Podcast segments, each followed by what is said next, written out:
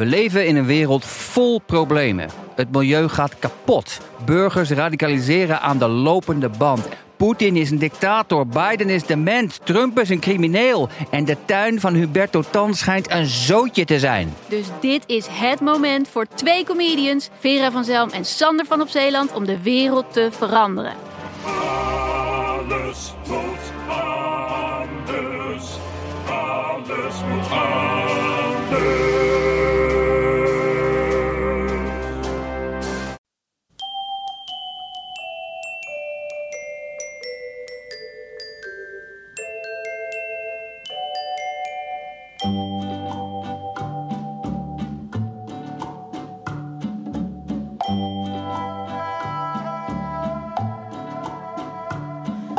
Welkom bij aflevering 116 van de Echt Gebeurd podcast, waarin waargebeurde verhalen worden verteld door mensen die ze zelf hebben meegemaakt. In deze podcast een verhaal van Niels Roelen. Het thema van de middag was list en bedrog.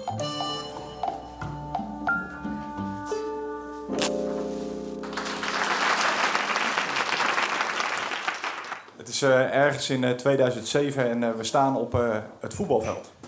En het voetbalveld is niet een voetbalveld zoals jullie dat eh, hier kennen. Maar een voetbalveld is een, eigenlijk een stuk braakliggend terrein met op het midden van het veld staat een, eh, een ruïne van een huisje, een, een kwala. En wij noemen dat het voetbalveld omdat dit eh, eigenlijk de plek is als wij opdracht hebben gekregen om patrouilles te rijden richting het noorden. En we komen over dit veld, dan is ongeveer de middenstip, dat is dat huisje, die ruïne.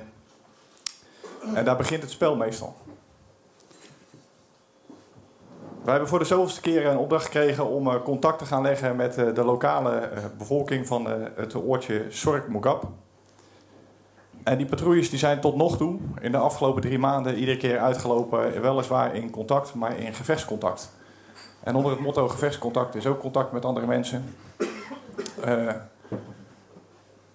Ja, rijden we dan toch maar die patrouille. De avond ervoor heb ik, heb ik ruzie gehad met, met de OPS. Dus daar zit mijn chef zit daar, die me de opdracht heeft gegeven voor die, eh, voor die patrouille. En wij zien het eigenlijk niet meer zo zitten om die patrouille te rijden, omdat het contact wat we eigenlijk zouden willen maken met die mensen, dat komt er nooit van. En tegen de tijd dat je dat veld oprijdt en naar die middenstip toe rijdt, zie je over het algemeen volwassen mannen eh, eh, stiekem door de bosjes heen rennen. En dat is niet om verstoppertje te spelen. Dat is over het algemeen omdat zij ook de posities innemen die zij, die zij in willen nemen. En wij zijn die patrouilles eigenlijk een beetje zat. Eigenlijk zijn we, hoe het afloopt, zijn we vooral zat. Omdat we vooral ook als het gevechtscontact dan ontstaat, eh, niet de toestemming krijgen om echt terug te vechten. Eh, en omdat wij eigenlijk van mening zijn dat als je iedere keer hetzelfde experiment uitvoert, iedere keer dezelfde patrouille rijdt en je verandert daar niks aan, dan zal het iedere keer ook op hetzelfde uitlopen. En het is wachten totdat de mortieren waarmee we dan vaak als eerste beschoten worden, een keer op een van onze voertuigen eh, zullen vallen. En dat er gewonden of erger eh, zullen vallen, ook aan onze zijde. En in dat kader eh, heb ik gedaan wat ik denk dat ik moest doen als militair. En dat is een list verzinnen. Want ook militairen verzinnen listen.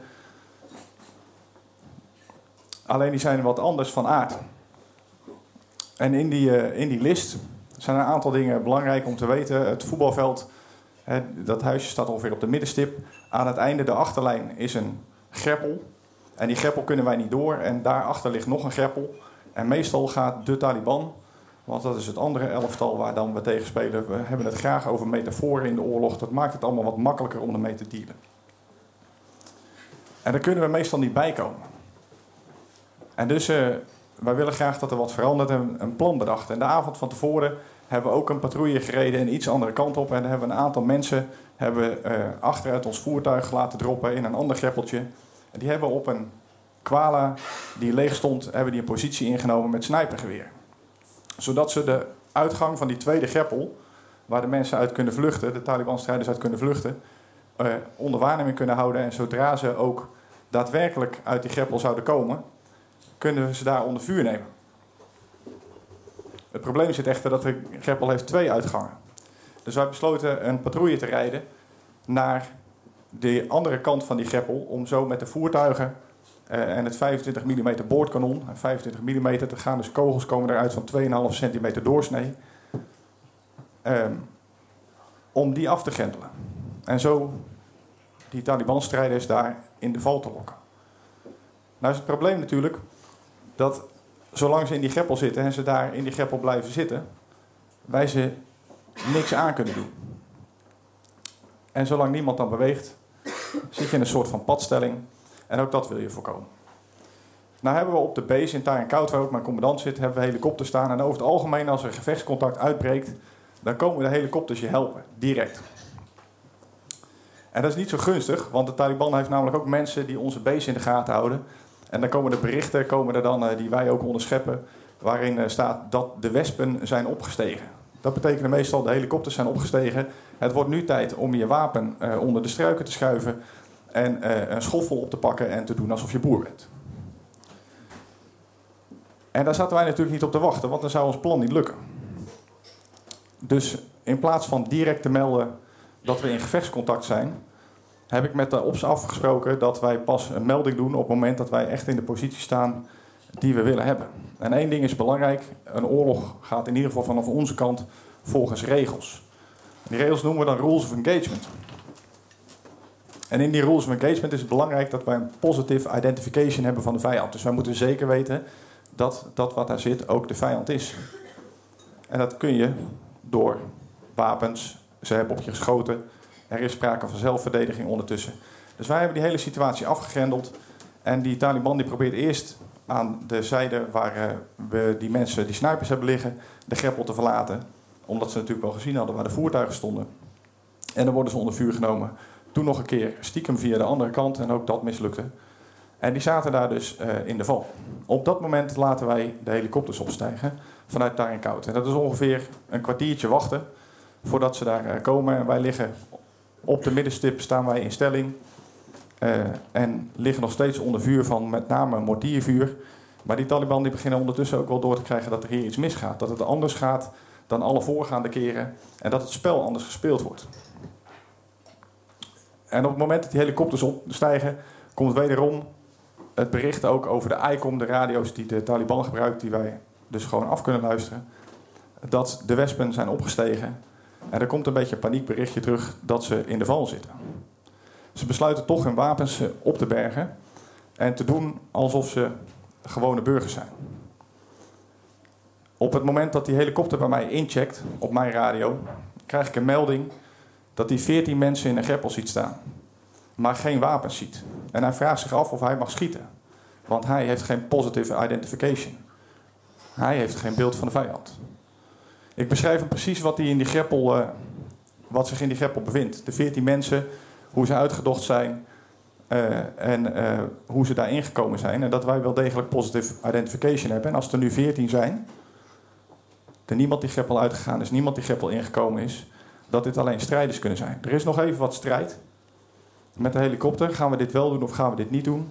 En dan manoeuvreert de helikopter zich in een positie dat hij in de lengte van de, eh, van de greppel en een Apache helikopter. Het lijkt misschien niet zo indrukwekkend wat er onder de helikopter hangt qua mitrailleur, omdat het apparaat zelf zo groot is, maar die heeft een 30 mm kanon. Dus dat zijn kogels van 3 centimeter doorsnee. Die in een rap tempo vuren. En die helikopter manoeuvreert, er is wat paniek in de greppel. En op het moment dat hij daadwerkelijk aankomt vliegen, proberen ze nog de greppel uit te rennen. Worden ze aan de ene kant door ons onder vuur genomen. En aan de andere kant veegt die helikopter op een meedogenloze wijze die greppel leeg. Er sterven die dag, zonder pardon, 14 mensen.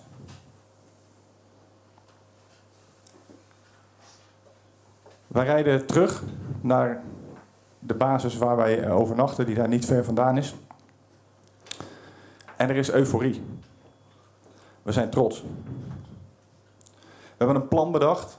We hebben hier vele malen in gevecht gezeten met de Taliban. En we hebben een plan bedacht waarmee we die Taliban in eigenlijk ja, te slim af zijn geweest. We hebben een list bedacht. We hebben gedaan wat natuurlijk in de films allemaal fantastisch is. En ik heb mijn werk gedaan en ik heb het goed gedaan. En dat is iets wat in eerste instantie de overhand heeft. De euforie van de overwinning. Het besef dat je kunt waar je voor je aangenomen bent En dat je daar goed in bent. Maar s'avonds als ik in mijn bed lig, begint het te knagen. Aan de ene kant blijft het gevoel van dat ik het daar die dag goed heb gedaan. Aan de andere kant komt nu pas het besef dat er veertien mensen zijn. Veertien mensen. Die je zonder enig pardon neergeschoten hebt. En het makkelijke is, wat ik zei, ik ben gesteund door rules of engagement, om je daarachter te verschuilen. Het moeilijke is, en dat is waar het voor mij om gaat, ik denk hier met enige regelmaat aan terug. Het is voor mij heel bijzonder dat er eh, twee mensen zitten die niet per se dit verhaal willen luisteren en toch voor mij gekomen zijn. Maar ik denk dat het erom gaat dat je bereid bent om over de dingen die je gedaan hebt, om daar verantwoording over af te leggen. En dat je ook als mens durft terug te kijken op een situatie. En uiteindelijk heeft het geleid tot gesprekken met de bevolking van Sork Mogab. En zou ik me nog steeds kunnen verschuilen achter mijn tactiek heeft gewerkt. Maar bij mij blijft wel de vraag of het niet anders gekund had. Dankjewel.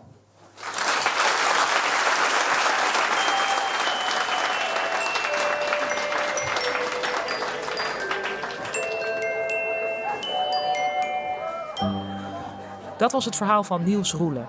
Niels heeft vaker bij ons verteld en hij komt ook voor op een van onze luisterboeken. Hij heeft twee indrukwekkende boeken geschreven eh, met de titels Soldaat in Oeruzgan en Leven na Oeruzgan. En hij schrijft wekelijks op www.nielsroelen.com. De Echt Gebeurd podcast wordt maandelijks opgenomen in Toemler onder het Hilton Hotel in Amsterdam. We zoeken altijd naar nieuwe vertellers en we roepen iedereen dan ook op om zich aan te melden via www.echtgebeurd.net. Podiumervaring is niet belangrijk en je wordt ook geholpen bij het vertellen van je verhaal. Gewoon eens komen luisteren kan natuurlijk ook, bijvoorbeeld op 17 april. Het thema van die Echt Gebeurd middag is te land, ter zee en in de lucht. De redactie van Echt Gebeurd bestaat uit Micha Wertheim, Eva Maria Staal, Rosa van Toledo en mijzelf, Paulien Cornelissen. Rosa van Toledo doet ook de productie en de techniek is in handen van Nicolaas Vrijman. Dat was het weer. Niet te veel stiekem door de bosjes rennen en tot de volgende podcast.